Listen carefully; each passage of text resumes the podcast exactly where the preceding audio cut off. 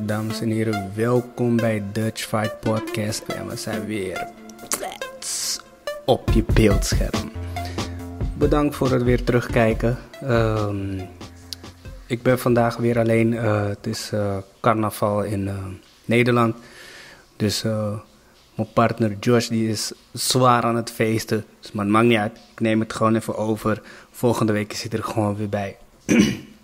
nou, het was een druk weekje. Um, in de Nederlandse MMA-wereld. Uh, afgelopen weekend uh, was Bellator, waar uh, Ilias Boulait heeft gewonnen van Diego Freitas op Decision. dat is een goede zaak. Hij had een dikke.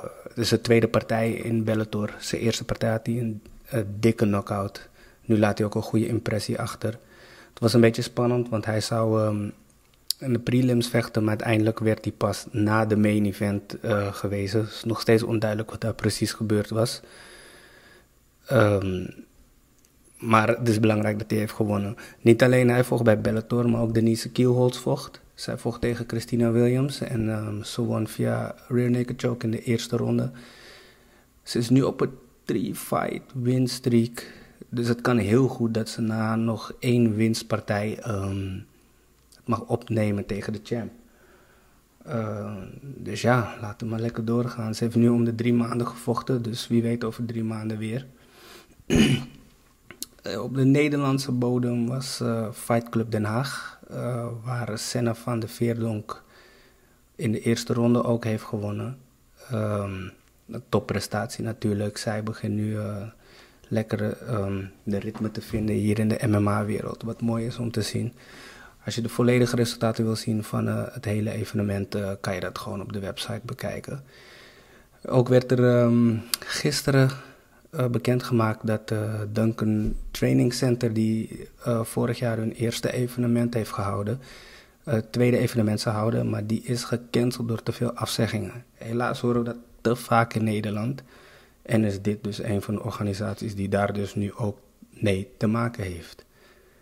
Um, verder dit weekend vecht de Belgische vechter Arthur Sempaniak. Hij uh, is bekend van WFL MMA, waar hij bij de eerste editie vocht tegen Donovan Panayotis. Uh, die gaat bij We Love MMA vechten tegen Mahmoud Jaja, die 2-0 staat. Dit is een interessante partij, want Arthur is er een hele tijd uit geweest. Um, en die is weer back in the game, dus we gaan kijken wat hij uh, gaat doen daar zo. De gasten voor vandaag. Um, we zullen praten met de, de trainer van eh, John Winter, Jelle Segers, Gino Cruz, die ons heel wat leuks te vertellen had. Over natuurlijk zijn eigen carrière, wanneer hij weer gaat vechten. En over John Winter en Jelle Segers. We spraken ook met de winnaar, die uh, light heavyweight Remco van de Brink. Die vocht bij WFL MMA 4. Die uh, op submission had gewonnen in de eerste ronde. Heel interessant, want die jongen die is echt gewoon een baas in judo. En om te horen wat zijn achtergrond is en hoe hij in MMA is gekomen, dat is gewoon super interessant. En we spreken ook met die dit weekend vecht, Arthur Paniak, over waarom hij er zo lang uit heeft gelegen en hoe hij zich voorbereid heeft op deze aankomende partij. Dus ik wens jullie veel kijkplezier en uh, tot het einde. Nou, we worden gejoind hier, de Gino Cruz. Allereerst bedankt voor je tijd. En uh, kan je jezelf eventjes uh, even kort voorstellen? Uh, mensen kunnen je misschien direct, de nieuwe mensen kunnen je het misschien niet direct kennen. maar ja, je bent, je bent betrokken bij een aantal hele goede jongens. bijvoorbeeld John Winter, Jelle Zegers. Daarnaast ben je zelf ook nog een knokken. vertel eventjes. Dat is allemaal correct, ja. ja. Dankjewel, dankjewel voor de uitnodiging. Ik ben nu momenteel vooral bezig met het helpen van John Winter bij John Winter doe ik het hele grote plaatje, eigenlijk het complete management. Uh, maar mhm. daarbuiten help ik ook Jorn Schadema uh, met trainen, Jelle, Jelle Segers en uh, Glory Matusiwa. En er zullen nog wel wat meer mensen komen. Zelf heb ik ook veel gevochten natuurlijk. En ja, wie weet dit jaar misschien, misschien weer een comeback maken. Ja. ja, die vraag die stel ik jou altijd hè, uh, als ik je zie. Hè. Ik bedoel, wanneer gaan we jou weer een, keer in de kooi zitten en uh, zien? En nou was het laatst op de Facebook post, had je maar eigenlijk iets te vertellen zondag. Ja, ik, uh, ik, zou, ik heb beloofd jou uitsluitsel te geven dit keer. Dus dat ga ik ook mhm. doen vandaag. Ja. Oh, kijk, kijk, kijk. Nou ja, ik zou zeggen, leg het dan maar gelijk neer, want dan, dan ga ik even die vragen door elkaar heen gooien, maar dan wil ik daar gewoon gelijk, gelijk weten. Nee, het plan voor mij is uh, om dit jaar uh, in te gaan, ja. Ja, zeker. Ik heb nog niet echt een exacte datum, maar uh, ik schat zo rond oktober. Schijnt een leuke evenement te zijn. Oké. Okay. in ja. Nederland? Wellicht. Kijk, ik wou nooit meer in Nederland vechten eigenlijk. Want ik had in Nederland ja, had ik tegen een paar jongens gestaan en dat vond ik wel klaar.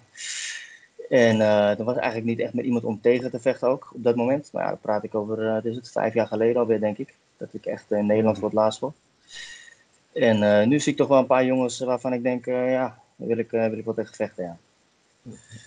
Nou, je hebt er best wel lang uitgelegen, toch? Um, je hebt ja. blessures gehad, inderdaad. Um, hoe lang heb je er in totaal eigenlijk uitgelegen? Dat is de laatste keer, de laatste keer geweest. Uh, ik denk wel 2,5 jaar, denk ik, ja. Ja, ja, ja.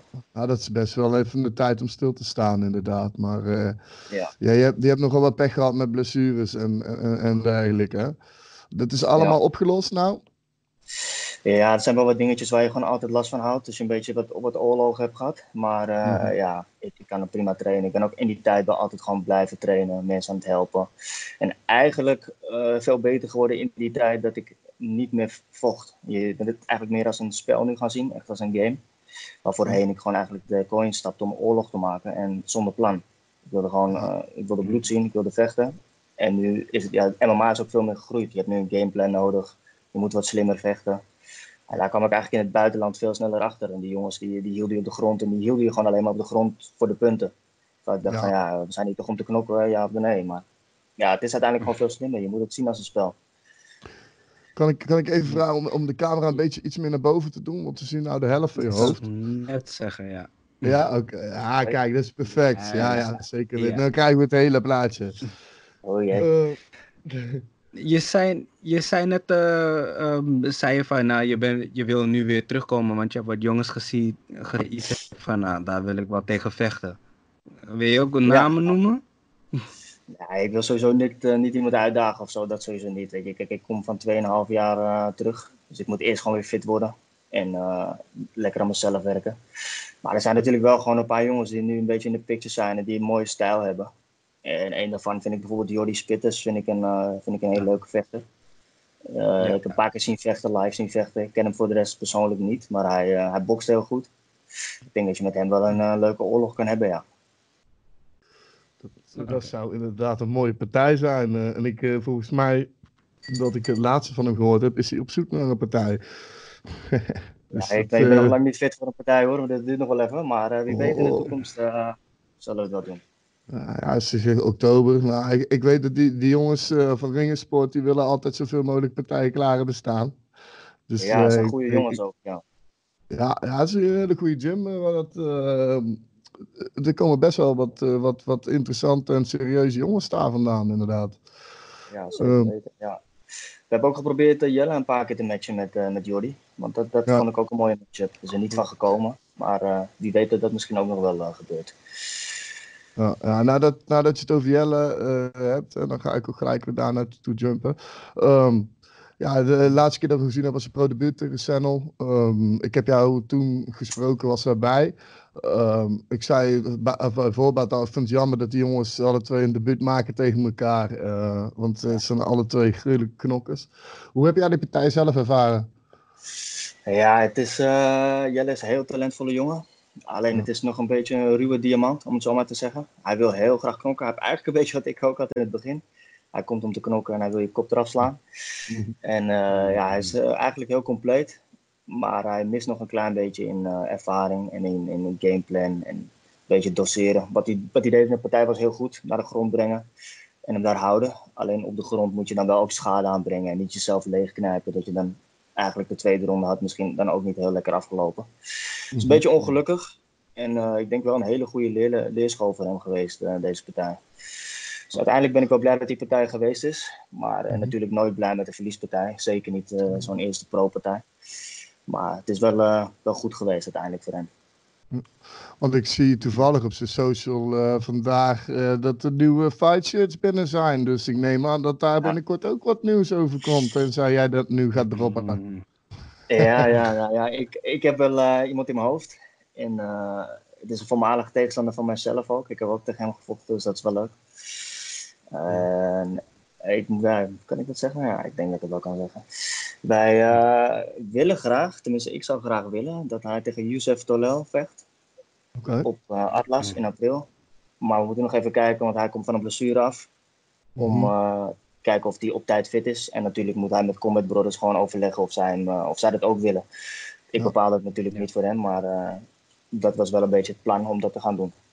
Want, want je zei net bij Sean Winter neem je het hele plaatje op het management. En, hoe zit dat bij, bij Jelle? Is het, um, ben je daar management of is... Hoe, ja, zit die, hoe is die relatie, weet je? Dat is een beetje een lastige positie. Jelle is ook gewoon een vriend van mij. We, zijn, uh, we hebben elkaar een keer ontmoet bij Kops. We zijn een beetje hard gaan sparren en dan heb je snel respect voor elkaar. Nou, ik ging een beetje natuurlijk uit het wedstrijd gebeuren. Ben ik hem heel veel gaan helpen, gewoon puur met technieken. En uiteindelijk ook met wedstrijden. Zo hadden we vorig jaar in Glasgow, uh, heeft hij dan gevochten, had ik voor hem geregeld. Maar uiteindelijk traint hij gewoon het meest bij Combat Brothers. En uh, we hebben dan één keer per week hebben we dan voor lichte jongens, alleen maar lichte jongens trainen we met elkaar. En dat deed hij dan ook mee. En ik help hem wel met wedstrijden regelen en dat soort dingen. Maar uiteindelijk uh, is Comet Brothers natuurlijk wel de bepalende factor of we het aannemen of uh, de ja of nee. Ja, je bent um, dus ook uh, bezig met um, John Winter. Die heeft ja. nu getekend bij nou, twee partijen, wat we nu weten dus. bij um, Atlas en Fight Club Den Haag. Ja. Maar eerst even over Fight Club Den Haag. Hij gaat meedoen aan een heavyweight toernooi met Willem Struiker in, Carl Nickel en Jan Lisa, Lisak. Ja? Wat vind jij van het toernooi? Ja, in eerste instantie de partij in april, die stond eigenlijk al eerder. Mm -hmm. Dus ik vond het een beetje voorbarig eerst om in juni al iets aan te nemen. Alleen, ja, toen kwam Satish met zo'n leuk toernooi. En eigenlijk, ja, er zit best wel wat hype op. En hij kan natuurlijk gelijk een aantal zwaargewichten tegelijk uitschakelen. Precies. Uh, zijn niet, zijn niet allemaal, allemaal hoogvliegers. Er zitten al een paar goede jongens bij. Maar er zitten ook wel een paar bij die die zeker moet kunnen hebben. Het blijft MMA, het blijft zwaargewicht. Dus het, alles kan gebeuren. Maar ik denk dat het een hele mooie kans is om echt zijn naam op de kaart te zetten. Kijk, hij heeft heel veel talent. Dat hebben we in de eerste partij al gezien in, bij Atlas. En dat gaat dit jaar echt, echt naar boven komen. Want ik, ik geloof dat hij echt een van de beste zwaargewichten in Nederland is. Misschien wel de beste al op dit moment op Stroef en zo na natuurlijk, die dan getekend zijn. Maar dat is een ja. kwestie van ervaring. Hij komt zeker wel op dat level uit uiteindelijk en al dan niet daarboven. Oké, en wat zie jij dan in hem dat jij iets hebt van: oké, dit is de, de beste heavyweight uit Nederland? Onge laten we zeggen, ongesainde heavyweight uit Nederland. Ja, het zijn een paar dingen eigenlijk. Eén, hij, heeft, hij, is natuurlijk lang, hij is sterk, maar het zijn, het zijn wel meer zwaargewichten, dus dat onderscheiden niet. Maar hij is één van de zwaargewichten die op zijn rug heel goed uit de voeten kan. En dat, dat hebben we nog mhm. niet gezien. Maar hij heeft een, een hele goede BJ-achtergrond, dus dat is heel goed in. Mhm. En zoals we hebben kunnen zien, hij is vrij snel en heel bewegelijk staand. Hij heeft het voetenwerk van, uh, van, een, van een middleweight bij wijze van. En dit is nog maar het begin, want hij zit echt nog aan het begin. Het is nog een, nog een pupil, dus hij, uh, hij moet nog groeien. En als je dan al dit kan laten zien en ook met zoveel druk, hij bracht 100 mensen mee bijna naar Atlas. En ja, dan heb je toch gewoon druk op je. En het volgende wordt nog veel groter, geloof me. Ja. En uh, ja, kijk, als je dan al dat neer kan zetten en ook met, met de vliegende knieën komt en met, met, met switch steps en dat soort dingen, dan, ja, dan heb je het wel in je. Ik, ik, ik zat daarbij, man. Ik, ik was daarbij en die shit was fucking dope, man. Ik zat te kijken en het is net wat jij zegt. Het was gewoon echt net een middleweight die daar gewoon kijk, toren groot, zo'n veer van een gas, weet je wel. Die beweegt als een fucking middleweight. Ik zei, ja, dat, dat is echt... Uh, jij zei het al van tevoren. Ja. damn. En wij, wij kennen Damien toevallig uh, van, van, van, van WFL uit. En... Uh, uh, is, ook, is ook geen joke. Ik bedoel, heavyweights zijn sowieso, no, zijn, zijn sowieso geen jokes, weet je wel. En uh, ja, ik stond ervan te kijken. Dat was echt. Ja, ik weet nog dat Het was een ninja, man. Dat is net een ninja gewoon. Ja, jij had van tevoren nog gezegd van Damien, zou je dat wel doen in de eerste partij? Want dat is een grote, zware jongen en dit en dat. Ja. Maar ja, ik had er wel vertrouwen in. En wat nog een uitzondering is bij John, hij is ook buiten de ring is hij zo respectvol. In de ring is hij respectvol. Het is gewoon uh, ja, echt een, uh, het complete plaatje. Hij is ook heel makkelijk te marketen. Ja, kijk, wij, wij Want hebben... nu gaat hij... Oh, sorry. Oh, sorry. Nee, ga maar- Ja, eh, nee, nou, hij gaat dus nu met Willem Struik ook. ehm, je hebt, ehm, dat is ja, een, be- een bekende naam op de Nederlandse scene. Eh Carl Nickel, die is 4-0. Ehm, ja, Jan Lisak, die is dan de underdog. Die is volgens mij op eh, Ja, eh, dingen 2-15 of zo. 016. Ehm, Oké. Maar goed, er- zijn wel, er zijn wel nog eh, goede jongens erin. Tegen wie, zie- want er worden ook loodjes getrokken, begrijp ik, eh, van Satish zelf. Ehm, wat is de beste pad voor hem? Ja, het, het, beste pad zou natuurlijk zijn eh, dat hij Jan Lisak treft in, de voorrondes, bij wijze van. Als je het op papier zet. Wat ik zeg, eh heavyweight, alles kan gebeuren. Het maakt ons eigenlijk niet zoveel uit wie die treft. Want overal is over nagedacht, weet je. We, we hadden heel graag het gemunt op Carl Nickel. En nu zit hij toevallig in een Ja. toernooi. Maar als hij niet in het toernooi had gezeten, hadden we hem wel komen halen bij Wheel of MMA, weet je. Dat maakt ook niet uit. We hebben het al een keer eerder geprobeerd, maar toen ging hij uiteindelijk voor de titel van Wheel of MMA. En eh, hij is ongeslagen, is een leuke vechter. Maar zeker iemand die, die John wel kan hebben. Willem Struik vind ik een, eh, vind ik een hele goede jongen. Komt natuurlijk van Hubert Geven. En ja, heb ik altijd respect voor. Hubert is echt eh, ja, een knokker. Als je naar- aan een knokker denkt in Nederland, denk ik aan Hubert Geven. En ja, dus Willem Struik wordt sowieso een zware partij. Maar ik denk dat hij net even wat tekort komt. dat hij niet compleet genoeg is voor, voor John. Ik denk dat Carnic, Carnickel ook wel een partij is die sowieso wil hebben, die John, John sowieso wil hebben om even te revenge voor Sufjan. Ja, dat, dat zeker, ja. Ja, is, is natuurlijk ook een hele goede heavyweight. Het is aan de ene kant zonde dat het teammatch zijn, want het zou een hele mooie match zijn. Maar dat zou, dat zou de beste toevoeging voor, dat zou de beste toevoeging voor, voor, voor het toernooi zijn geweest. eh, Ja. in, in mijn opinie, weet je wel. Maar ja, ik, ik begrijp Ja. het, teammates moeten niet vechten. Maar je, je, je had net aan, kan Nico vecht voor de titel, of heeft hij de titel al bij Bill of MMA? Volgens mij moet dat binnenkort gebeuren, geloof ik, hè? Vol- Volgens mij uit mijn hoofd moet dat eh, binnenkort gebeuren inderdaad. Hij heeft hij hem nog niet, nee. Dus ik hoop Hoe dat is- hij hoe- gaat winnen. Ja, precies. Ik wou net zeggen, hoe mooi zou het zijn als hij hem wint? Dan is, de, dan is dat gewoon, hoppakee, even Duitsland daar die titel halen en dan is het op to de big leagues, toch? Ja, ik, ik heb contact met, eh met Wheel of MMA. Nog niet, niet specifiek daarover. Maar eh, ze weten wel al dat John Winter eh, er klaar voor staat, zeg maar. Ja, ja, dat zijn mooie, eh, dat zijn, eh, ja, dat zijn zeker mooie vooruitzichten. Ik bedoel, en dan, dan hebben we nog het nieuws gebroken inderdaad dat hij bij Atlas voor de title contender, eh contender fight vecht. Eh, tegen Arya Sheikh Husseini, als ik het goed uitspreek. Het zijn eh, drukke tijden. Arya is een, is een hele grote kerel, inderdaad. Eh, volgens mij een sambo-achtige achtergrond. Ja. Wat zijn de Hij punten neemt waar zijn vitamintjes wel, inderdaad, ja. Oké, ja, dus ja, ja, oké, ja, mond is ook open daarover. Ehm, Ja, ja, ja, nee. Maar, maar ehm, kijk, en dan nog neem je die partijen aan. Dus dan. Ja. Oké. Ja, we deinzen sowieso niet terug. Nee, de, de, de reden dat eh Aria, dat we die partij hebben aangenomen, is eigenlijk het eerste wat ik zei, is eh John's grond, grondgame. Die wil ik eigenlijk laten zien aan Nederland. Ik denk dat Aria hem zeker naar de grond gaat krijgen. Kijk, eh, het is eh, heel egoïstisch of arrogant om te zeggen dat het niet gaat gebeuren. Ik bedoel, eh, John is niet makkelijk naar de grond te krijgen, maar Aria is gewoon een hele goede worstelaar. Hele sterke jongen. En staand kan hij ook zeker wel. Dus het is een gevaarlijke partij. Hij is misschien wel 0 om 5 of zo op, op internet. Maar hij heeft heel veel, heel veel partijen ook wel gewonnen. Heel veel sambo ook. Van Sambo. Ja, inderdaad. Dus hij is ook gevaarlijk met beenklemmen. We hebben hem goed bestudeerd. Het is een gevaarlijke partij, maar ik denk dat het wel op het juiste moment komt. Ja, wel, wel sowieso. Ik bedoel, eh tijdens contender fight. Ik bedoel, oh, is, is er al sprake geweest over een, eh, wie, wie is dan degene wie, wie zeg maar. eh, komt er nog een tijdens contender fight bij Atlas of zo op dezelfde avond tussen heavyweights om, om te gaan bepalen wie dadelijk moet gaan vechten? Is, is dat al over gesproken? Dat was eh, wel de eerste insteek, had ik, had ik begrepen. Maar uiteindelijk konden ze niet genoeg heavyweights vinden die nog niet een partij hadden of, of, of net gevochten hebben of, of gelijk daarna. Wat wij heel graag willen zien, en ik weet niet of dat nog door kan gaan, want ik heb begrepen dat hij net gesigned is, maar is eh Ruud in de finale. Ruud van heet hij. Mhm. Ja, Vernooy. Ja. Dat lijkt mij een hele mooie partij. En ik zie hem als een van de betere zwaargewichten van Nederland op dit moment. Dus eh, Ja. ja. die finale zouden, zouden we graag willen. Maar als het iemand anders is, is het ook niet erg. Ik weet eh, toevallig, ik spreek Sarko, eh, trainer van, eh van Ruud van Nooy, spreek regelmatig.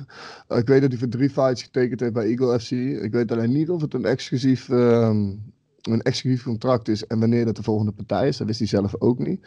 Maar ik weet zeker dat, dat Zarco daar sowieso voor open staat. En Ruud ook, denk Ja. ik wel. Ja. dat zou, Ja, ik dat denk niet zou dat zij inderdaad... ergens, ergens voor terugdeinzen. Dat denk ik inderdaad niet. Het zou een mooie partij zijn. Maar eh, we hebben ook iemand gekregen uit Suriname in, eerste instantie. Ik weet zijn naam even niet meer.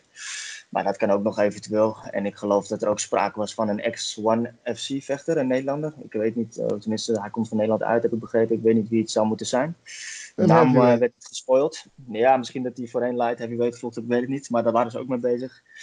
Dus ja, ik wil ik wil een beetje lopen kijken, maar ik, ik, kon, kon, ik kwam er niet uit. Misschien dat ze Marcin bedoelen, maar dat zou Ja. wel, wel een eh, Mm. jongen zijn met veel ervaring. Maar misschien wel een mooie opstap. We moeten het even bekijken.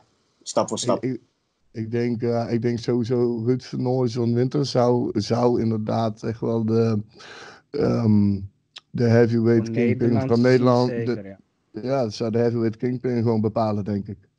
Ja, ja, daar ben ik het ook wel mee eens. Ja. Ruud, eh, Ruud is echt een goede vechter. Ik denk dat hij niet altijd even eh, geluk heeft gehad met de partijen die hij gekregen heeft. Hij vocht al in zijn eerste partij, geloof ik, tegen Dion Staring. Nou, ja, dat is zeker Ja. niet de minste. Ja, klopt. Maar dat, eh, dat toont wel karakter natuurlijk. Dan weet je wel wat voor vlees je, vlees je in de kuip hebt.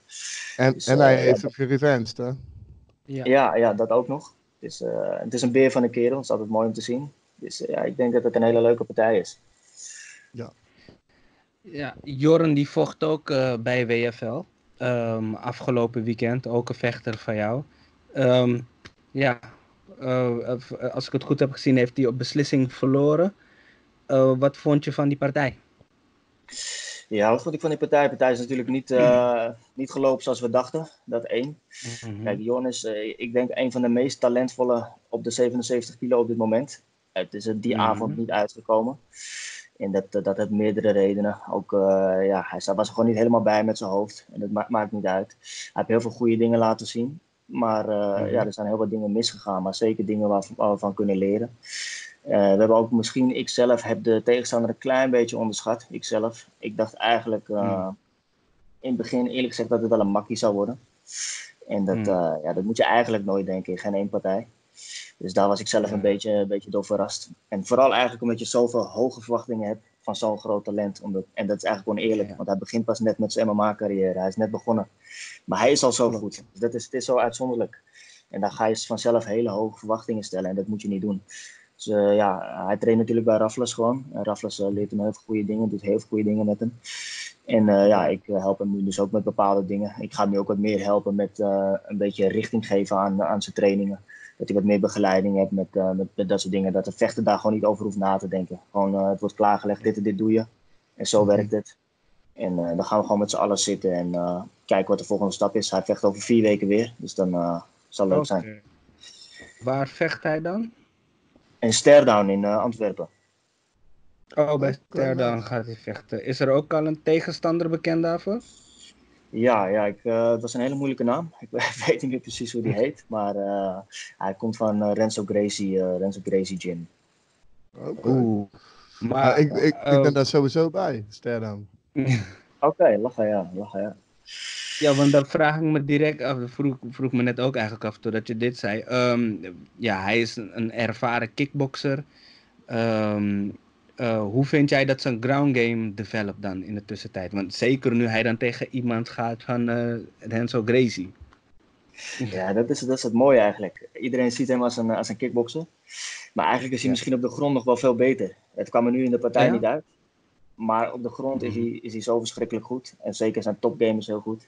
En op, de, op, de, op zijn rug hebben we gezien dat we aan wat dingetjes moeten werken. Dus dat gaan we ook zeker doen. Het mooie daarvan is, eh, John Winter is natuurlijk heel goed op de grond. Dus die gaat ons ook een beetje helpen daarbij. Komt, eh, Ja. Morgen komt hij even over om, eh, om wat, wat dingen uit te leggen. Dus ja, we gaan eraan werken. Maar het- wat we gezien hebben is niet, niet hoe hij is. Het is echt 10% van wat hij is. En heel veel mensen praten nog Mhm. steeds over die partij, hoe goed zijn stand-up was en noem maar op. Maar het is, dit is pas 10% van wat hij heeft gedaan. Oké. Je, je, je, hebt, je hebt dus John, je hebt Jorn, je hebt eh, Jelle. Ehm, voel ik hier ook een soort van super eh, team aankomen die ook samen met elkaar gaat trainen om elkaar op te krikken? Ja, we zijn zeker wel met z'n allen in contact. alleen, eh, kijk, voor John is een, is een zwaar gewicht. Die andere jongens zijn een stuk lichter. Dus het is wat lastig om samen te trainen.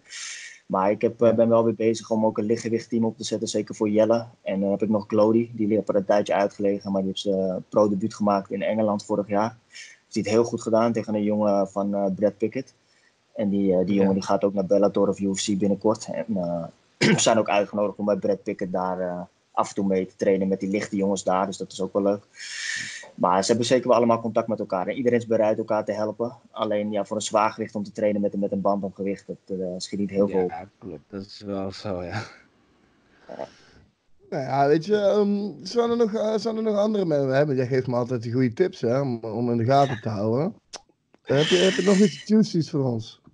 Ja, ik zou sowieso uh, zou ik kijken naar, naar Glody. Dat, die heb ik een paar keer genoemd. Hij is, uh, ja, ja die, hebben wij, die hebben wij ook bij WFL. Uh, die, moest toen, ja. de, die heeft toen helaas laatste de dag zelf volgens mij nog afgezegd, geloof ik. Toen zou het kunnen, ja. Is, uh, ja, dat, dat zou inderdaad kunnen kloppen. Hij is 5 0 amateur. En hij heeft toen zijn eerste profwedstrijd gedaan. Eigenlijk gelijk op een heel groot podium. -hmm. Tegen een hele talentvolle jongen trainingspartner van Nathaniel Wood, die in de UFC vecht. Ja. En daar deed hij het eigenlijk heel goed. Heel goed voetenwerk laten zien. Hij eh, werd geraakt op een achterwaartse levertrap. Dat was een beetje jammer. En toen met ground pound uh, was het misgegaan. Hij heeft daar heel veel van geleerd. Maar ik denk dat hij zeker een jongen is. Hij is, vecht op flyweight. En hij is echt groot voor, voor een mhm. flyweight. En zijn er ook niet heel veel van. Dus ik denk dat hij zeker iemand is om in de gaten te houden. En voor de rest, uh, ja, gewoon de jongens die, die ik al genoemd heb. Ja. Ik zie zelf wel een paar echt talentvolle jongens. Wat ik ook zei, bijvoorbeeld een Jordi Spitters is echt leuk om te zien. Ik ken hem voor de rest helemaal niet, maar ik vind zijn stijl echt mooi om, om te zien. Ja. En ik denk uh, bijvoorbeeld een, een Jordi Bakkers, die zie ik ook af en toe voorbij komen. Ik denk dat die ook hele hoog oog gaat gooien in het lichtgewicht. Ja, big game hè, binnenkort. Ja, ik ben, ik ben heel benieuwd. Ik hou ze natuurlijk allemaal wel in de gaten, vooral voor Jelle. Want het zijn natuurlijk misschien wel uh, tegenstanders voor Jelle. En in de toekomst misschien voor mezelf. Ja, man. Ik, uh, je, je, hebt het maar druk zo te horen, inderdaad, met alles. En met jezelf en met al die boys. En uh, ja, volgens mij is het ook wel je ding om gewoon nog steeds midden in de shit te zitten, toch? Ja, het is een beetje een obsessie. Kijk, het is een uitgegroeide hobby geworden. Het is, uh, ik was eigenlijk gestopt met, met vechten zelf. En uh, ik kreeg nog wel af en toe aanbiedingen, omdat ik in, in het buitenland gevochten had. En toen zei ik, nou, ik vecht zelf niet meer, maar ik heb wel die en die jongen. En zo is het eigenlijk een beetje gaan, gaan, gaan rollen. En uh, ja, van een kwam het ander. En John, ik, eh, John kende ik natuurlijk al wat langer. En uh, ja, die andere jongens, uh, van het een kwam het ander. Ik heb ook al wat losse partijen voor andere jongens, zoals Lucas Kidelli van Fight EQ heb ik wat partijtjes geregeld. Maar het is, het is leuk om te doen, het is een hobby. Ja, mooi man. En als, ik ben alleen maar, weet je, wij zijn alleen maar blij, weet je, dat, dat maakt het voor ons beter. Hoe meer mensen die verstand hebben van de business, uh, um, andere mensen helpen die net, net aan het beginnen zijn. Uh, er wordt er alleen maar mee gevochten. Het is alleen beter voor ons, beter voor hun, beter voor iedereen. we, we, we, hebben meer, meer Gino Cruz nodig. Ja, ik denk dat het ook een beetje is dat Nederland daar echt in achterloopt. Als je kijkt naar Engeland, die jongens worden zo goed begeleid en die, die, die trainen alsof ze in de UFC zitten. Die, die worden geholpen met een weight cut. Die tegenstanders die gaan niet tegen iemand die 8 0 is in hun eerste partij. En dat, dat miste ik ook heel erg in mijn, uh, mijn uh, begin. En mm -hmm. eigenlijk daarvanuit is het een beetje gegroeid. Van, ik wil die andere jongens dat geven van doe, maak niet dezelfde fout als ik. Ga niet als je 3 of 4 om 0 bent tegen iemand met 15 om 5 of zo. Weet je? Dat slaat nergens op. Nee. Ja, kijk, ik bedoel, dat is alleen maar beter. Ik bedoel, wat, wat, denk jij zelf? Wat kan er gebeuren in Nederland om... Want de sport... Wij roepen het al jaren, de sport is groter aan het worden. En er is misschien ook wel zo, maar er is... Uh, WFL kwam, we hebben WFL gedaan, de eerste drie. Toen was het nog regelmatig, in ieder geval regelmatig.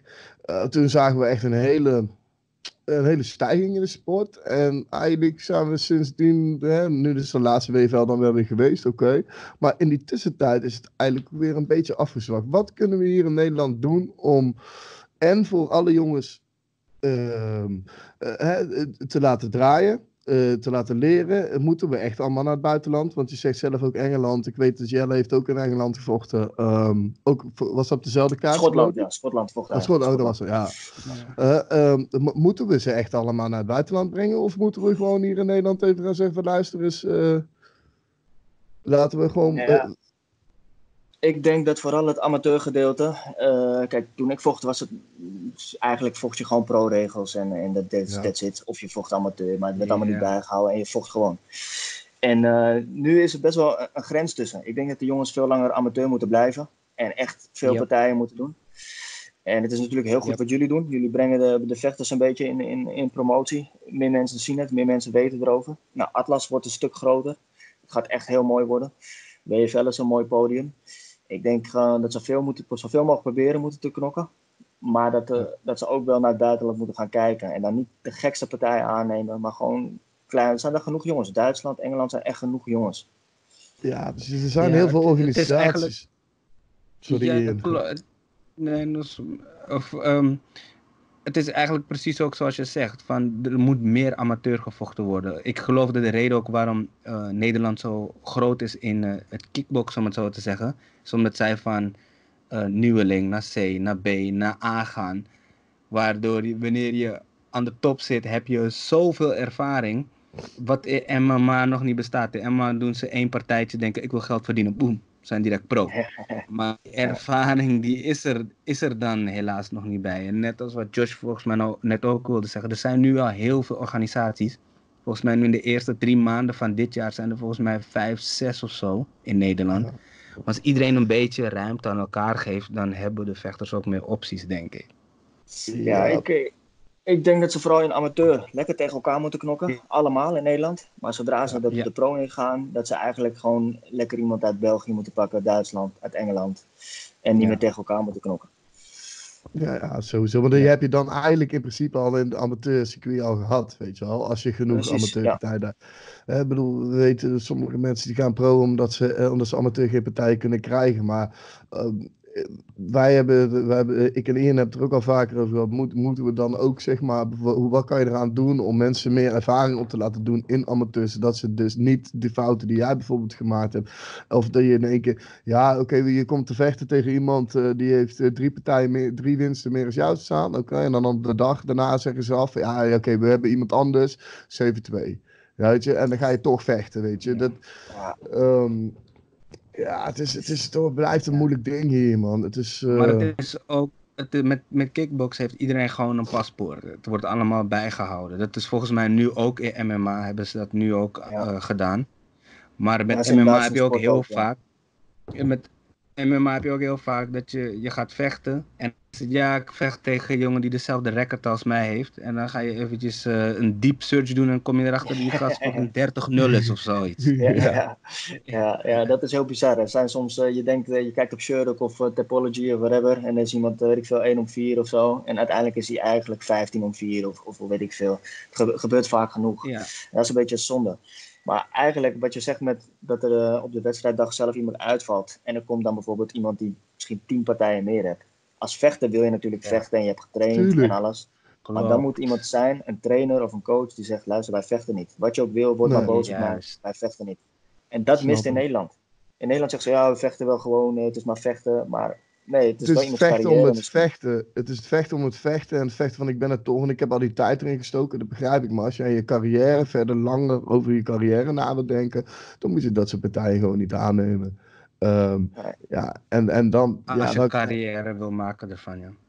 Ja, nee, ja. precies. Maar en, en, en dan krijg je dus, en dat het Ian net ook al aanhaalde, ik bedoel, de, de, eerste drie maanden van elk jaar zijn er zo fucking veel evenementen waar iedereen gaat vechten. En ik begrijp niet waarom dat altijd op dezelfde tijdstip moet zijn.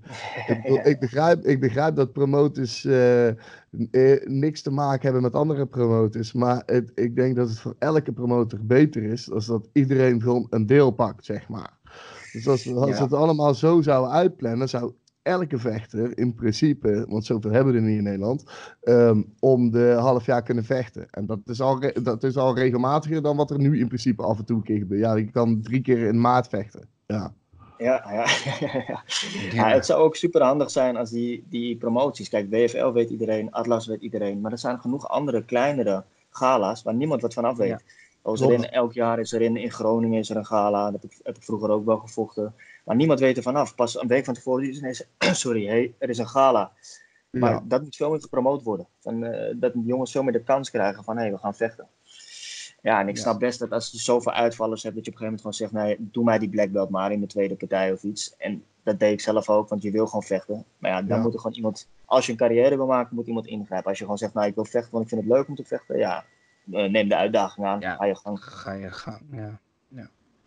Ja, weet je, weet je wat het is? Ik denk, ehm, kijk, wij zijn inderdaad, wat jij zelf ook al aanhad, we zijn inderdaad bezig om inderdaad de Nederlandse vechter, ook al ben je amateur of, of ben je net beginnen pro, we willen inderdaad iedereen dezelfde shine geven die, die, die ze horen te krijgen.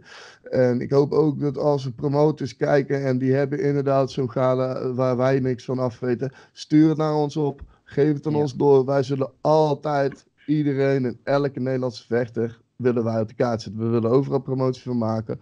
En ehm, ja, man, zo, zo proberen we allemaal een beetje te werken aan een, eh, een, een consequenter MMA-wereldje hier in, eh, in Nederland, zeg maar. Ja, ik denk dat dat een hele vooruitgang is. Dat, eh, dat jullie ook dit doen. Jullie, jullie spreken de mensen, dat is wat promotie. eh, je leert de vechters kennen. Ik, was bij WFL natuurlijk aanwezig. Nou, ik kende bijvoorbeeld die, die Keta, kende ik zelf niet, maar die kende ik dan via jullie. Weet je, en dan heb ik een beetje Oh, toch nou. wel gekeken. Dan heb je al een beetje een beeld ervan. Mhm. Dat, dat is leuk. Kijk, normaal, eh, je gaat niet iedereen opzoeken. Je gaat meestal de mensen zoeken in jouw competitie. Maar nu zie je Tuurlijk. toch een beetje wat meer van Nederland. En dat is wel leuk om te zien. Ja, kijk, eh, in het begin, hadden- ik zei tegen Ian, ik van luister, eh, hoe kunnen we nou alleen nieuws maken over Nederlandse mensen? Ik bedoel, dat, daar houdt het toch op een gegeven moment houdt op. Maar ja, dat is helemaal niet waar, want het blijft alleen maar doorgaan. Nee. Het is, eh, de- want wij denken elke keer van het, het, het landschap, MMA-landschap is heel klein in, in Nederland. En er is in principe ook, als je naar Engeland kijkt, België, Duitsland. Eh, maar toch is, een, wat je zegt, er zijn overal gala's en er is toch heel veel te doen, man. En eh, wij zijn alleen maar blij en trots dat we die mensen uit kunnen lichten. En, en eh, de rest van Nederland even daarop op kunnen wijzen. Ja, en het is, het is de snelst groeiende sport van de wereld. Dus eh, het zal steeds meer en meer worden. Kijk, heel veel jongens kennen we nog niet. Maar er zijn zoveel jongens nu aan het trainen om, om ook hun eerste wedstrijd te maken. Of volgende maand of over twee maanden. Dus het, het wordt alleen maar meer. Dus het is juist een mooie tijd om nu echt te beginnen met, met MMA. Ja, Ja. ja zeker, zeker. weten man. Ik bedoel, ehm, ik eh, vind, vind jouw filosofie, om het zo maar te noemen, ben ik echt, sta er helemaal 100% achter. Ik eh, wil je succes wensen met alle, hè, met, met alle jongens van je sowieso. Hou ons zeker op de hoogte over oktober. Want dan ga ik je, ja, je weet toch dat ik jou daar toch de hele do- dag door ga vragen. Eh, en, zeker en, heel erg bedankt man dat je even de tijd wou nemen om even met ons te spreken. Ja, sowieso jullie ook bedankt. En eh, als ik een wedstrijd plan of iets, dan eh, zijn jullie de eerste die het weten. Top man. En hou ons over jong, eh, de rest van je jongens ook op de, op de hoogte. Hè? Ja, zeker. Gaan we doen. Gaat goed komen. Je moet ook even kijken naar Jornse Gym. Die zit in Aalsmeer, Meraki Gym. Als jongens in de buurt wonen, het is echt, echt een hele goede sportschool. worden mooie lessen gegeven. En het is niet duur, ook voor kinderen. Dus eh Aalsmeer. Helemaal goed. Top man. Ik eh, zeg oes. Oesman, Is goed. fijne avond. Yo, later. Hetzelfde. Nou, dames en heren, we zitten hier met eh, de light heavyweight Remco van den Brink. Eh, je hebt afgelopen weekend gevochten bij World Fighting League. Hoe gaat Ja. het? ja, goed, heel goed. Heel goed. Ehm, ik ben eh, gelukkig fysiek ongeschonden. Ja. Ehm, en eh, ja, ik, ik ben heel blij. Ik heb echt heel veel leuke reacties gehad. Ja. Ehm, en eh, ik ben vooral blij omdat ik gewoon eh, na bijna anderhalf jaar weer heb kunnen vechten. En ehm, eh, dat is gewoon een onwijs fijn gevoel. Het was best wel een. een, eh, weet je, ze hebben me ertussen kunnen zetten vanuit WFL. Het was niet vanaf het begin al meegepland. Mhm. En ehm, ja, dat het dan op deze manier afgerond wordt, is, ja, is waanzinnig. Ja, ja. Ja, want je zegt het was niet vanaf het begin eh, meegepland. Hoe bedoel je dat dan? Ehm, nou, eh, ik, ik weet niet precies hoe het allemaal gegaan is met, eh, met het benaderen van de vechters. Ja. Ehm, maar volgens, ehm, ik, ik zag dus via social media, via Instagram, zag ik via wat vechters die ik dan ook volg, zag ik dat er dus weer een nieuwe WFL-editie was. Ja. En nou, toen heb ik dus Demi de Makker benaderd.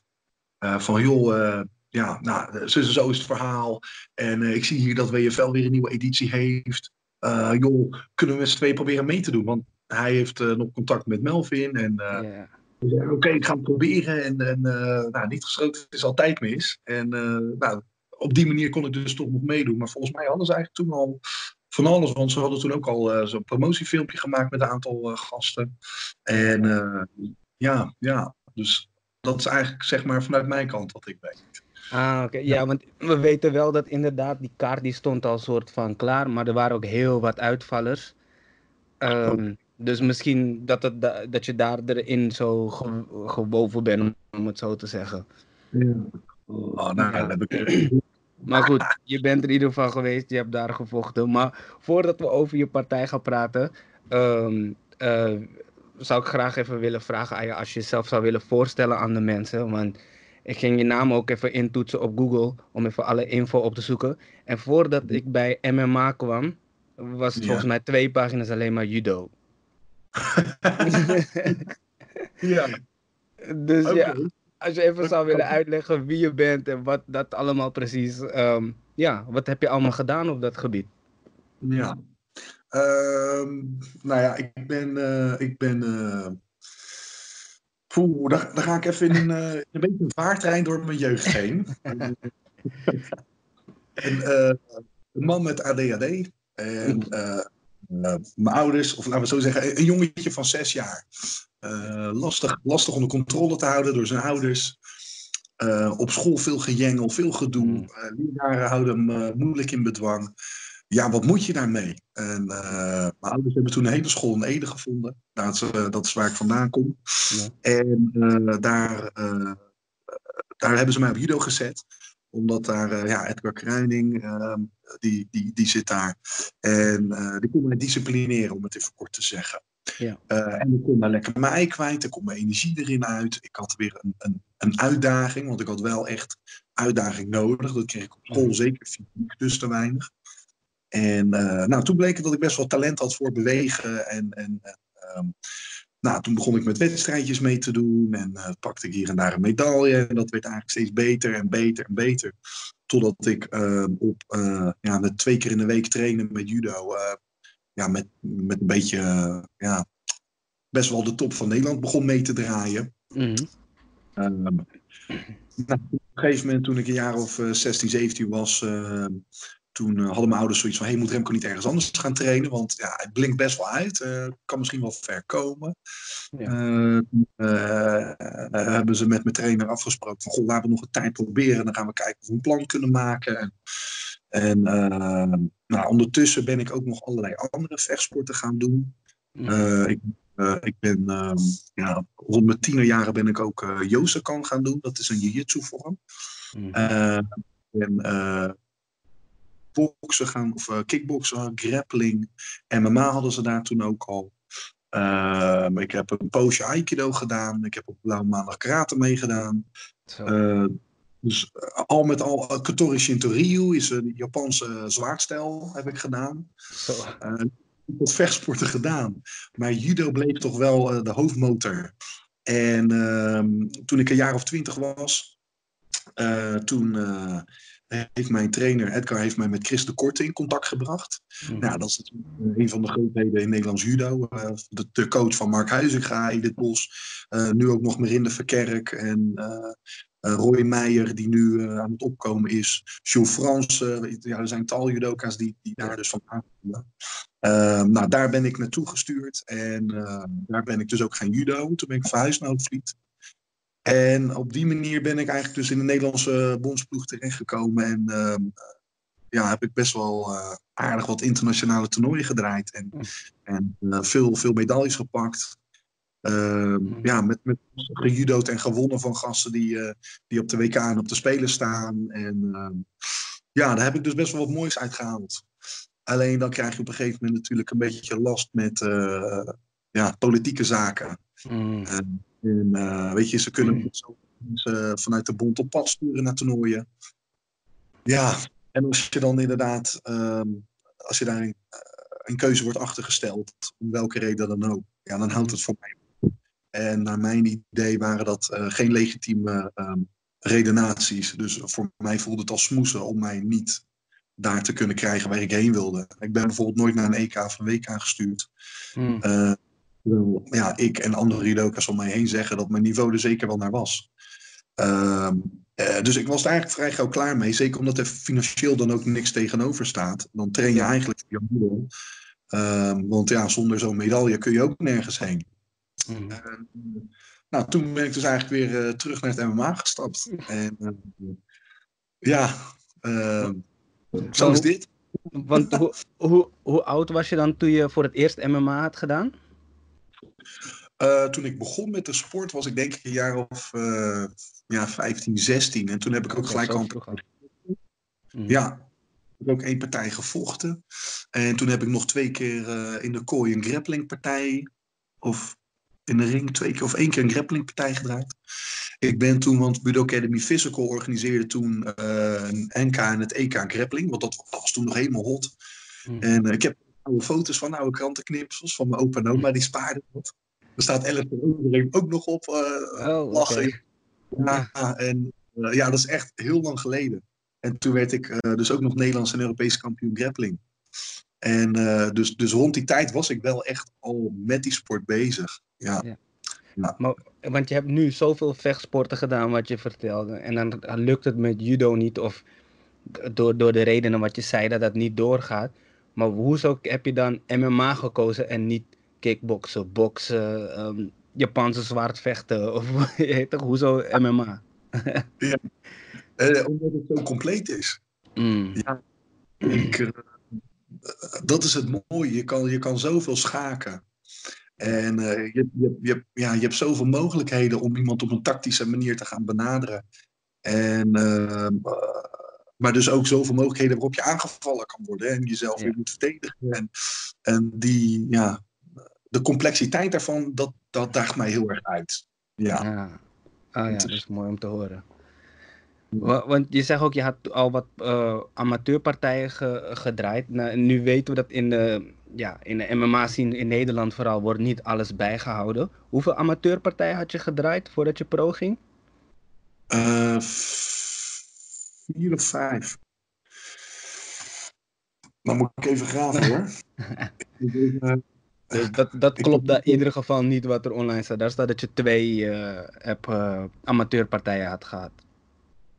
ja, klopt. Nee, dat klopt niet. Ah, Nee. Oké, oké. Ik heb tegen, ik, ja, ik weet niet of ik namen en zo mag noemen. Je mag zeggen wat je wil hier zo. Eh, eh, toen ik 16 was, toen vocht ik, ik weet zijn naam niet meer even, maar toen ik 16 was heb ik een keer gevochten. Eh, toen heb ik tegen eh Ghassan Abdenadi heb ik gevochten. Ik heb tegen Sebastian Heijblom gevochten. Bram, Bram, Bram, ik weet even zijn achternaam niet meer. Dat was, dat was, ja, volgens mij vier partijen dan, zeg ik dat goed? Hm. Ja, vier partijen. En dat was over een span van dus hoeveel jaar? Nou, die, die eerste was dan toen ik een jaar of 16, 17 was. Mhm. En eh, de laatste drie waren dan eh, vanaf eh, 2017 of zo weer. Toen ben ik weer voor het eerst gaan vechten. Ja. En hoezo dan de beslissing om zo snel weer dan pro te gaan? Omdat, ja, leeftijd. Leeftijd speelt een grote rol. Ik ben nu natuurlijk ook al 30.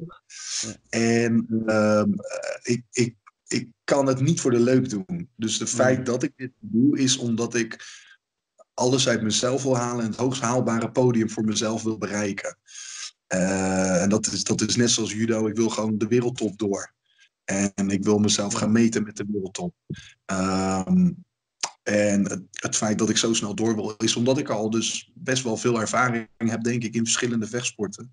Wat allemaal mee te nemen is in, ja, dat is MMA, Mixed Martial Arts. Precies. het- Ja, ik, ehm, ik ben niet zo goed staand als dat ik in de clinch en op de grond ben. Maar ik denk wel dat ik goed genoeg ben om nu al best wel ver te komen. En eh, zeker omdat ik de transitie van staand naar de grond goed beheers.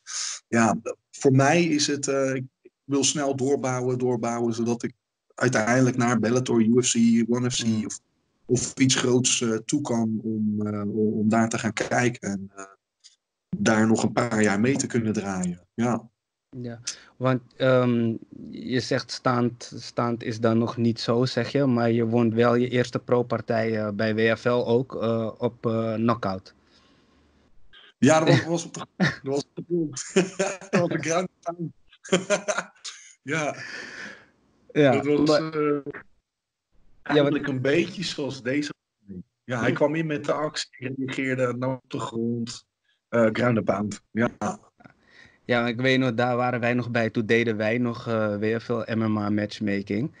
En daarna toen hadden we ook iets van, nou ja, dit is iemand die we super vaak weer terug gaan zien. die we overal gaan zien vechten en zo. Maar dat hebben we dus niet gezien. Nee. Hoezo die stilte? Ik maar? Wat kon ik vertellen? Ja, het- wat ik je kan vertellen is. ehm, ehm, ja, je, je geeft dat natuurlijk een beetje uit handen aan mensen. Eh, ik trainde toen bij Rootless Gym. Eh, eh, mijn, mijn werksituatie veranderde heel erg. Ik, ik werkte voorheen bij, bij De Korte, bij een sportschool waar ik dus ook toen de tijd judo. En eh, toen kon ik zeker bij Rootless ook gewoon regelmatig trainen. Ja. Ehm, ik heb in die tussentijd heel veel afgezegde partijen gehad. Mm. Ehm ik moet zeggen, in die drie, vier jaar, ongeveer vier jaar dat ik nu weer aan het vechten ben, heb ik nu elf afgezegde partijen in totaal. Wat? Ja, ja. En dat heeft dus waarschijnlijk ook met mijn judo-verleden te maken. Mm. Maar omdat ik dus nooit eh, überhaupt de kans heb gehad om een EK van WK te judo en de kans om daar een medaille te pakken, kan ik dus ook niet doorpakken naar een groter podium. Want weet je, ja, ik heb niks. Ik heb niks om te tonen. Eh, of om te bewijzen wat voor niveau ik heb. Dus eh, ja, die mensen googelen wel, die zien dat, die denken, hé, hey, deze roos gaan we nog even overslaan, want het is wel amateur. Ja, en dan wordt het natuurlijk hartstikke lastig. Eh, maar op een gegeven moment eh, veranderde mijn, mijn werksituatie, dus daar was ik. Ja. En eh, ik, ik was al aan het werk als ZZP'er. Maar dat betekende dat ik eigenlijk het liefst als ZZP'er helemaal door zou moeten bouwen en daar mijn boterham uit moest gaan verdienen. Precies. En ik werkte ook op een buitenschoolse opvang. Maar ja, dat deed ik vijf dagen in de week. Daar wilde ik eigenlijk een beetje in minderen.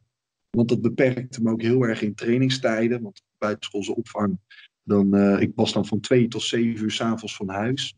Ja, als je Ja. dan nog naartoe moet om te trainen. De, de meeste groepslessen zijn dan al begonnen. Precies, Eh, ja. bij, bij routes kon ik nog wel trainen. Maar dat werd dus ook minder, want ik moest mijn boterham gaan verdienen. Ja. Eh, dus ik, bij routes was het dan, ja, Stefan Lems, die, die probeerde dat natuurlijk wel te regelen. Ja, daar kon niks van. Op een gegeven moment kon ik minder trainen. Ik denk dat hij van die reden uit eh, niet zeker genoeg was om partijen te regelen. Ik heb toen bij Stefan aangegeven van, joh, Stefan, luister, ik, ik werk, ik heb samen met een gozer, hij heeft een eigen gym. Daar werken we. Ik kan trainen zoveel ik wil, zolang als ik wil, wanneer ik wil. Ik train, ik ben fit. Als ik kan sparren, kom ik sparren. En ik kwam toen ook nog, eh, ja, met enige re- regelmaat kon ik komen om te sparren, maar de partijen kwamen niet. Mm. En, en eh, nou ja, op een gegeven moment dat ik dus zag ehm, eh, eh, dat er werd aangegeven van, joh Rem, eh, als ik dan weer kwam sparren en het ging goed, ik, deed nergens aan onder, laat ik het zo zeggen. Ja. Dan wordt er gezegd, joh Rem, kom weer wat vaker trainen, dan gaan we partijen regelen. En Mm. toen dacht ik, we hebben het hier vaker over gehad. Eh, ik denk niet dat dit gaat werken.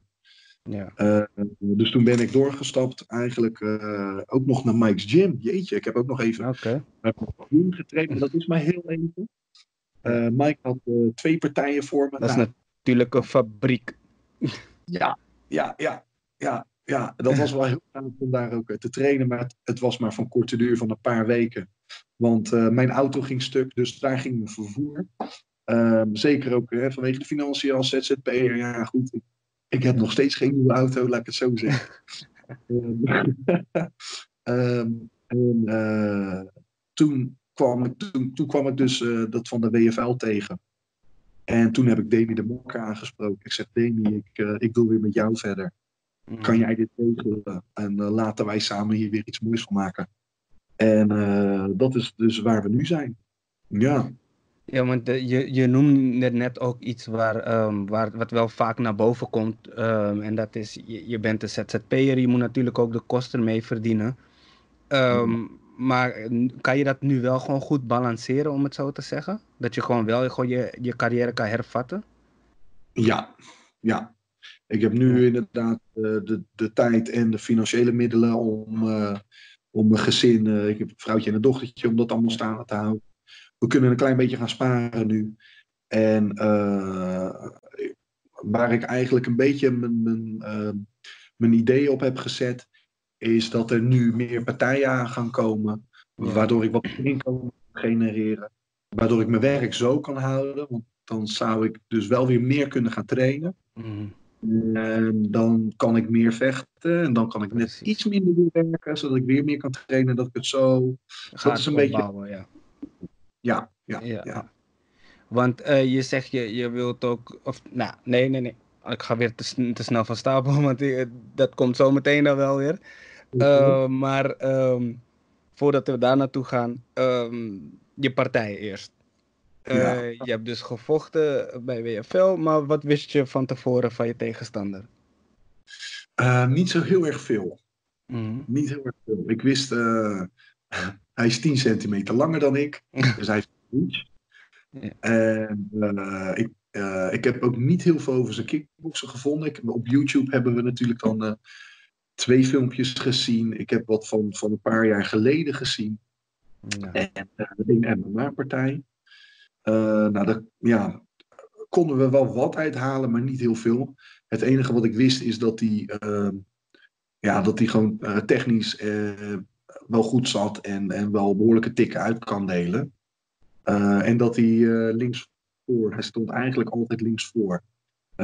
nou ja, ons plan was dus, oké, okay, we, we, moeten hem naar de grond krijgen. Want uh, we hadden in die MMA-partij gezien dat hij daar niet heel erg handig was. Mm-hmm. En uh, staand was ik in het nadeel omdat hij langer was. Meer staande ervaring heeft. Dus ik moet in ieder geval in de clinch komen of gelijk naar de grond. Ja. Uh, en ja, dat was in ieder geval dus wat ik, wat ik vooraf wist. En op het moment dat ik, uh, dat, dat hadden we ook gezien.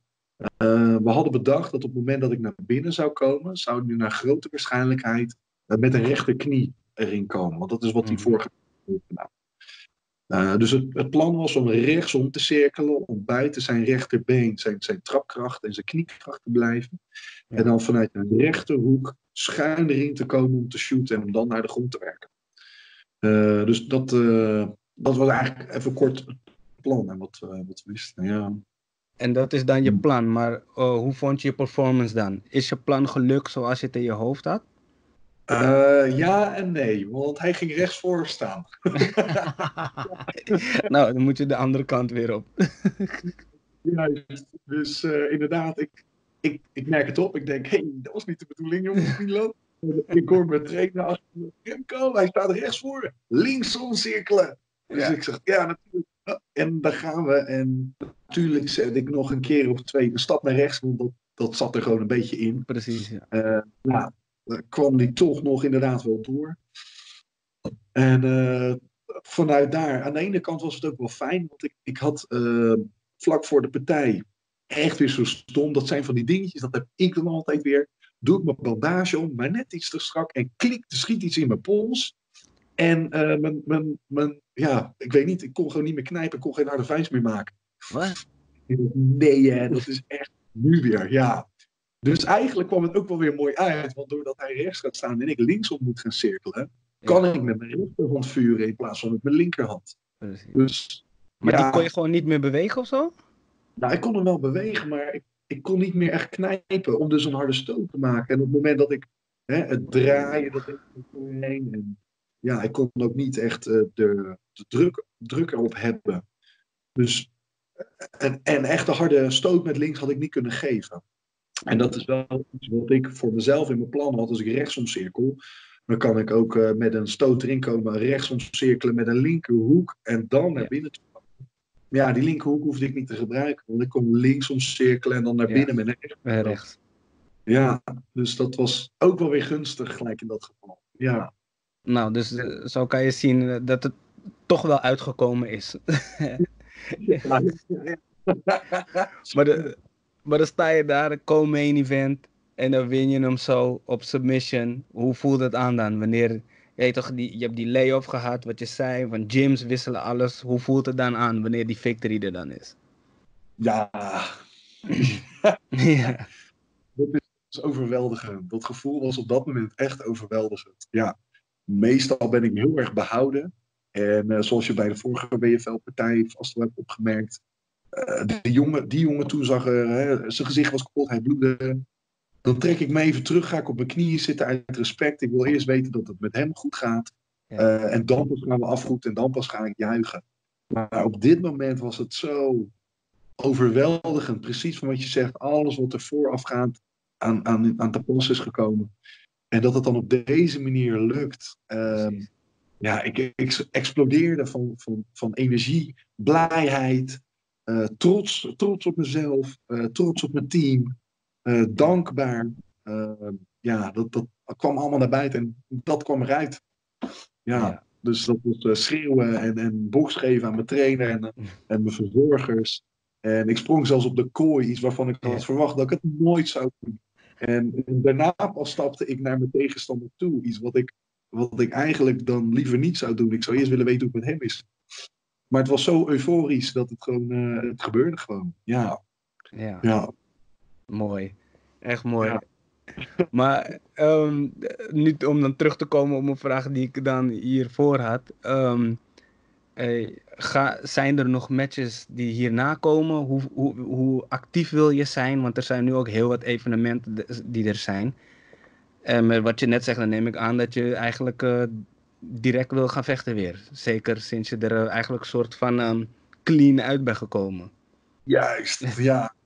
Ja, we, we hadden nog een partij eh, over nu dan anderhalve week nog. Eh, Dat is snel. ja, die zouden we dus ook aannemen op het moment dat, dat dit zou gaan zoals het gegaan is. Eh, alleen nu is het nog niet helemaal zeker dat het dus wel doorgaat. En waar is die? Mag je dat zeggen? Ja, in, eh, voor Fight Club Den Haag. In Den Haag. Oh ja. Ja. Ja. Bij Lekker Rassau, toch? Sorry? Lekker Rassau, toch? Die Fight Club Den Haag, die editie van hun. Oh, dat weet ik niet. Oh, sorry. Oh, Ja, volgens mij is dat die, de volgende die eraan komt, ja. Oké. ja. Ah. Die was de, in eind februari of eerste week van maart of zo, geloof ik. Volgens mij 28 februari uit mijn hoofd. Oké, ja, precies, ja. Ja. Ehm, nou, ik, ik weet dus nog niet zeker of die dus nog wel doorgaat. Daar ga ik morgen over eh, contacten. Mhm. Eh, dan hadden we nog iets in eh, april. Ja, in april een, eh, een catchweight fight op 88 kilo. Mhm. Eh, die hebben ze helaas eh, afgezegd. Eh, dus het is, het is afwachten of daar nog iets nieuws voor komt. En ik heb een aanbod gekregen voor in mei een gevecht in, in Armenië. Nou, daar gaan we even naar kijken en over nadenken. Ehm, en ik, ik heb nog een uh, judo-partij judo staan. Eh, dat is eh, in maart, 7 maart. Judo ik voor, eh, voor een Frans team in de Franse League. Het is een Oké. teamcompetitie. En dan heb ik me ook ingeschreven voor Combat Sambo. Ik weet niet of je weet wat dat is. Ja, het is toch worstelen met, met strikes volgens mij. Juist, ja. En Ja. je op. Je mag een kopstoten geven. en je hebt zeg maar een. Ja, het is wel. dit is ook van Fedor Emelianenko. Fedor, eh, ja. Juist. Ik heb komen daar inderdaad uit. En ehm, eh, ja, ik, ik was eh, door het NK judo vorig jaar was ik benaderd door iemand van hey, kom je met de sambo eh mee trainen? En toen vroeg de sambo bondscoach van joh Remco, lijkt het je leuk om voor ons combat sambo te vechten? En daar heb ik ja op gezegd. Dus eh, ik heb een NK en een EK die ik misschien ga draaien. Dus ja, dat komt er Lekker ook actief Ja. dus. Ja, ja, ja zeker nu. Maar, maar nu heb je dus zoveel partijen, of nou, zoveel partijen, nog niet zeker dan ook. Eentje die over anderhalve week is. Is daar dan al een tegenstander van bekend? Of, Dat was het wel al. Maar ehm, eh, ik, ik kreeg dus bericht te horen dat er. ehm, ik weet zo even niet meer wat het nou precies was, maar eh, er was wat onzekerheid over. Ja, ik Hmm, kan je niet meer erover vertellen. Ik, eh, dan moet ik mijn appjes erbij gaan pakken en zo. Ik, Ja. ik ben met dat soort dingen eigenlijk altijd dat. Ik ben gaten. bezig. maar je, Het ontvliegt me altijd. Maar eh, vind je dat dan cool om op zo'n korte termijn, dat je nog niet weet eigenlijk tegen wie je vecht? Maakt dat uit voor jou? Ehm, ja en nee. Ja. Ik doe graag mijn huiswerk. Ja. Eh, maar aan de andere kant is het ook. ehm, het vrije losse vechten vind ik ook heel lekker. Gewoon gaan. ehm, en we, we zien wel waar het schip strandt. Mhm. Alleen heb ik daar minder mogelijkheid voor. Omdat ik dus al wat ouder ben. Ja, stel je verliest weer, dan staat het op je record. Wordt het weer moeilijker om, om door te komen. En ehm, dat is helaas eh, een, een spel waar we toch een beetje in mee moeten doen. Mhm. Ik hou er niet van. Ik bedoel, als ik, eh, als ik 30 partijen vecht en ik heb 20 gewonnen en 10 verloren. Maar in 20 partijen zie je toch dat, je- dat iemand een hele goede vechter is. Zou dat voor mij voldoende moeten zijn? Mhm. Maar eh, het, het lijkt wel alsof er steeds meer, eh, alsof het steeds belangrijker is dat je onverslagen lijkt of zo, voordat je pas ergens terechtkomt. Ehm, eh, ja, en dat is toch waar we wel een beetje rekening mee moeten houden, omdat ik al 30 ben. Eh, we hebben niet heel veel ruimte om een verliespartij op te lopen. Dus ja, Ja, we moeten wel een beetje doen. Ja, nee, dat is wel. Ik heb wel het idee dat in MMA het iets minder uitmaakt als je los partij bent, hebt. Weet, als je daarna weer twee, drie achter elkaar wint, dan eh, is het weer goed, lijkt het dan. Vooral ook bij UFC zie je dat ook heel vaak. Ehm, het enige is waar volgens mij wel mensen naar kijken eh, in MMA is tegen wie je hebt gevochten. Want Ja. ehm, zo zijn er ook heel veel jongens die, ehm, dat hadden we toen dan gevonden toen wij bezig waren met de matchmaking, hebben we de hele Nederlandse MMA scene uitgekampt. En dan heb je Mhm. jongens met een record van 20, 3 en zo. En dan denk je, wow, die is echt goed. En dan ga je even kijken naar tegen wie die heeft gevochten. En dan zie je 0-5, 0-10, 0-20. En dan denk je, wow, fuck, die heeft allemaal tegen mensen gevochten die niet, niet eens een partij hebben gewonnen, bijvoorbeeld. Nou. Dus, da- dus voor wat ik weet, wordt daar ook naar gekeken van, heeft hij wel goede tegenstand gehad? Wie zijn die jongens en zo? En ja, kijk, als je natuurlijk, als je vijf keer achter elkaar verliest, dan houdt het op. Maar, Ja, ja. Maar eh, voor- ik denk dat, dat bij boksen is het veel belangrijker om geen losses te hebben dan bij MMA. Oké, oké. Ah, dat is in ieder geval wel goed om te horen. Maar dus- Maar goed, het is in ieder geval goed om te horen dat we je nu lekker actief gaan zien. Ik hoop dat Fight Club Den Haag en eh, de partij dan voor, die in maart dan zou moeten, dat die ook nog wat voor je kunnen vinden. Eh, dan ja, wie weet begin je dit jaar direct. Even denken, dan heb je nog 1, 2, 3.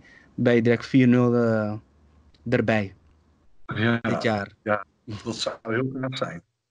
Ja. Als het 3-1 is, is het ook goed, hoor ik net. Dus eh, we gaan er gewoon voor. Je gaat er gewoon altijd voor, ja.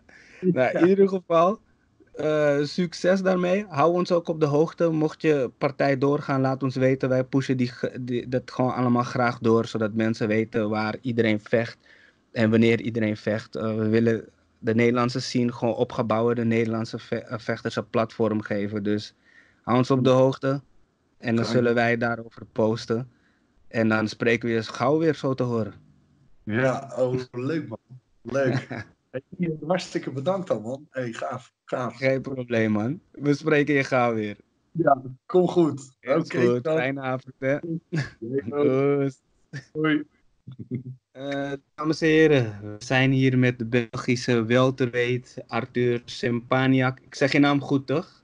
Ik moet het gewoon elke ja. keer. Ja. In ieder geval bedankt voor je tijd. En, ehm, maar voordat ik over alles ga beginnen, want ik heb je al de hele tijd niet meer gesproken. Hoe gaat het? Goed, met mij gaat het eh, zeer goed. Eigenlijk eh, ben ik eigenlijk klaar voor zaterdag. Voor mijn top, dus ja, het is perfect. Ja, precies zoals ik het eh, net zei van, eh, we hebben al een hele tijd eh, ehm, niks gehoord. Wat heb je allemaal gedaan in de tussentijd? Na mijn wedstrijd in maart ben ik geblesseerd geweest. Ik Ja. ben eh, even moeten herstellen. Daardoor ben ik, heb ik mijn trainingen moeten aanpassen. Ik ben begonnen bij Team Holsken. Bij, eh, onder de Jeff Weber en eh Nick Hoosken zelf.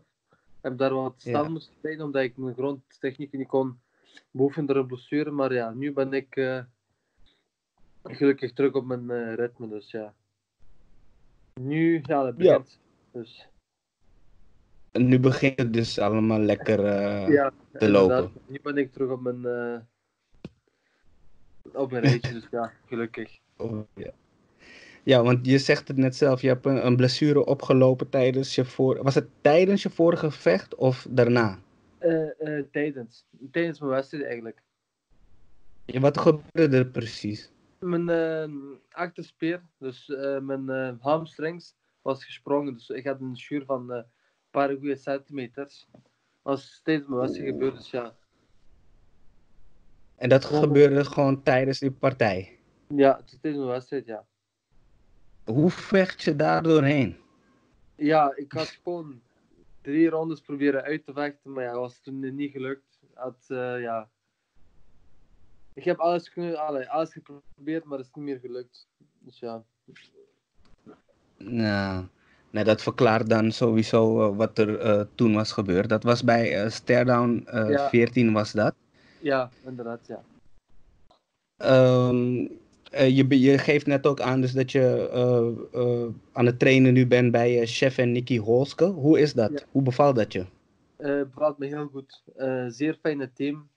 Echt Ja. zo. als je binnen gaat, is het echt familiegevoel. Het is zeer goed Ja. niveau. Verwacht zeer veel, zeer veel van u. Dus ik ben echt akkoord. Ik ben echt bij me met hen. Trainingen zijn echt scherp. Dus. Ja, wa- want, want eigenlijk als ik denk aan chef en Nicky, dan denk ik niet aan MMA. Wat, wat Nee. train je daar precies? Eh, gewoon stand, gewoon kickbox. Ah, Het is gewoon Muay Thai kickbox. Dus eh, mijn MMA-training bij eh, UFD in Düsseldorf. Dat Ja. is bij Roberto Soldic, David Zavada en Abu Shmakmedov. Dat zijn echt wereldtoppers. Dus ja, daar train ik mijn MMA. En hoe is dat dan om met die jongens te trainen? Dat zijn ook niet de minste. Nee, nee, dat is, eh, die jongens zijn zwaar. Ja. Het is eh, niet altijd makkelijk, maar ja, als je tanden bijt en eh, goed scherp staat, dan kun, je meedraaien. Dus, dat is echt top. En als je zelf moet vergelijken of met ho- hoe je nu bezig bent in vergelijking met voorheen, wat, wat voor verschillen zie je? Zeer groot, echt eh, heel, heel groot, heel, heel, heel grote verschil, ja.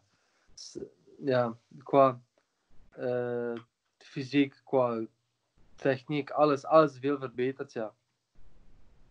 Ja.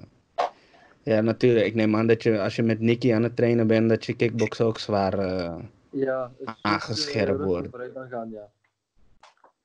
Dus Ja.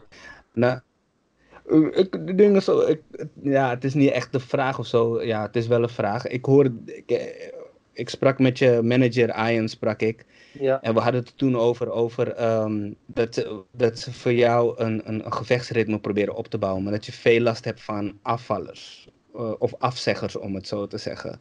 Afzeggen, Nu, nu ehm, zijn wij sowieso ja, een hele tijd ook al met jou in contact. Dus eh, we horen heel vaak wanneer jij moet vechten en ook heel vaak wanneer het afgezegd wordt.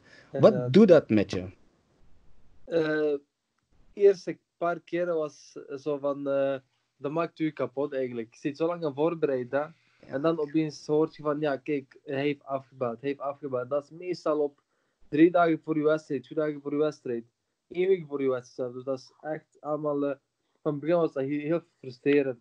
Maar nu, Ja. dat, dat ik, eh, de laatste wedstrijd was allee, aangekondigd bij Wheel of MMA. Toen Ja. had Jong ook afgelast. Maar toen wist ik van, weet je, kijk, we, zitten nu in Duitsland. Dat is een, grote organisatie, dus sowieso iemand vinden. En binnen 24 uur hadden ze al een vervanger, dus daar ben ik niet blij mee om. Daarom wil ik nu niet meer zo bij ons alle in België vechten, want daar hebben ze daar echt moeite mee.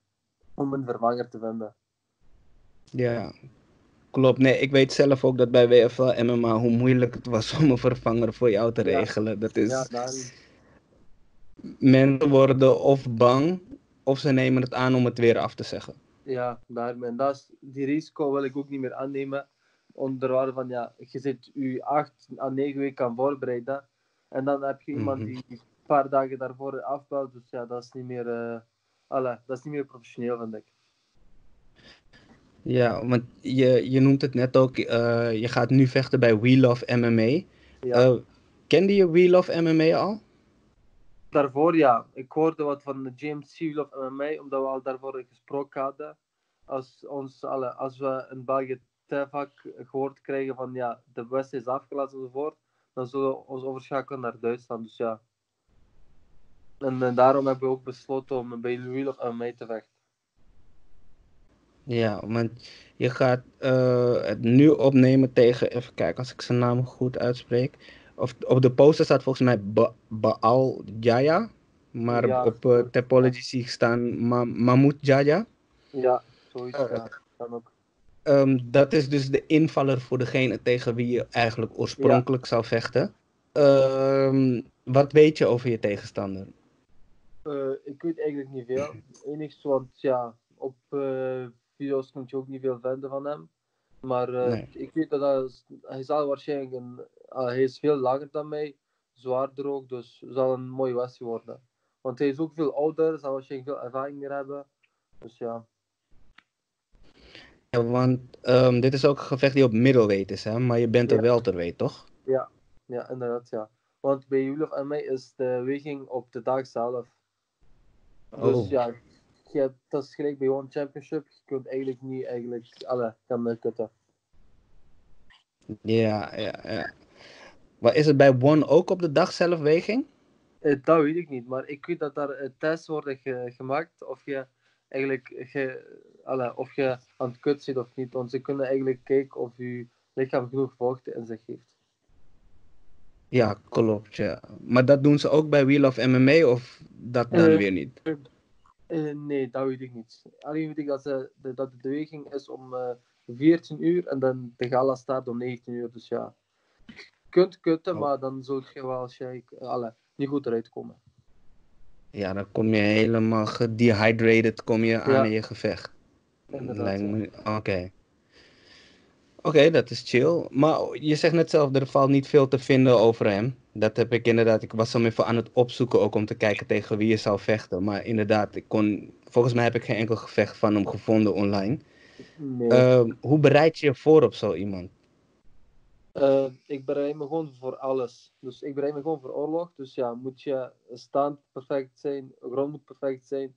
Dus je moet je inbeelden van, hij is veel beter dan u, hij is veel sterker dan u, hij is overal beter, dus je moet overal goed in zijn.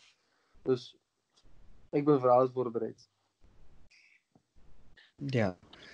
En want, doe je eigenlijk nog iets anders na, na, het- of naast het trainen of naast het vechten? Ja, ik werk. Ik, ben, alle, ik werk op het deeltijds, dus ja.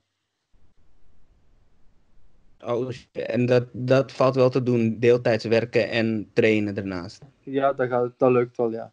Zeker. Ja, want ik, Ik neem werk- aan dat je dan wat... Mhm, Je werkt? Ja, ik werk zo één week wel, één week niet, zodat ik kan combineren. Als ik één week wel werk, dan ben ik dan bij Team Holsken, dan ben ik bij Team X Fighter Gang, of ben ik bij eh, Bad Boys, Jiu-Jitsu. Dat is mijn eh, grondtraining eigenlijk. En dan, als ik dan week vrij ben, dan ben ik eh, heel week bij UFD Gym in Düsseldorf.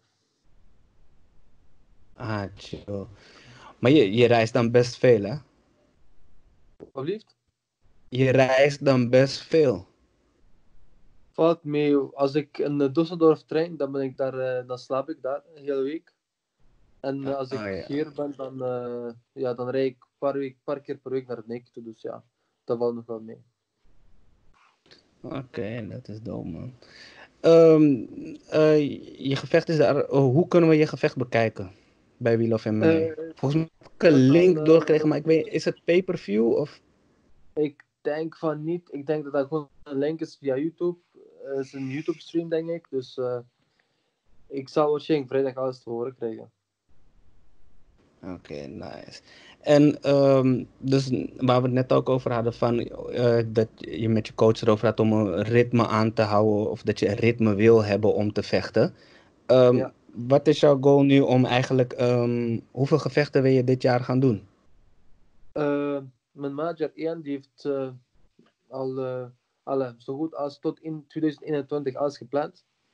Eh, nu vechten we bij Wheel of MMA.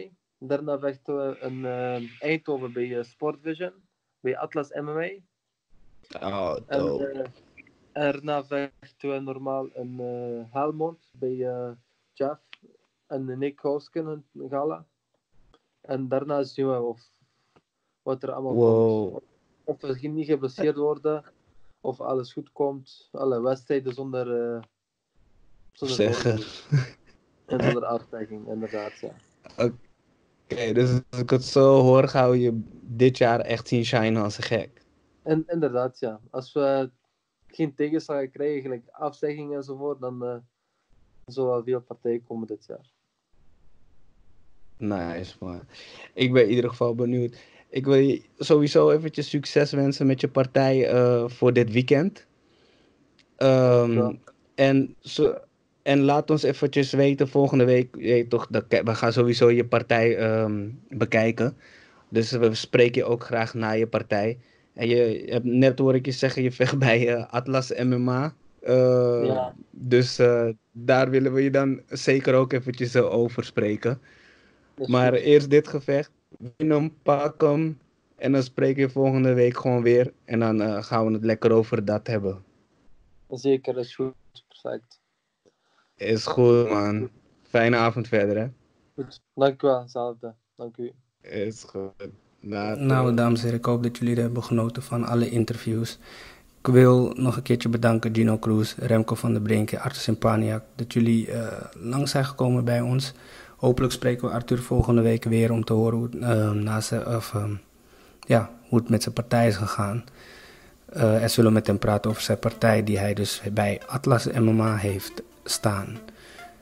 Eh, voor meer ga naar de website www.dutchfightnetwork.nl En natuurlijk, als je de podcast wil volgen en meerdere interviews wil zien en verslaggeving, kan je ons volgen op YouTube, Facebook en natuurlijk Instagram. Dames en heren, dank jullie wel.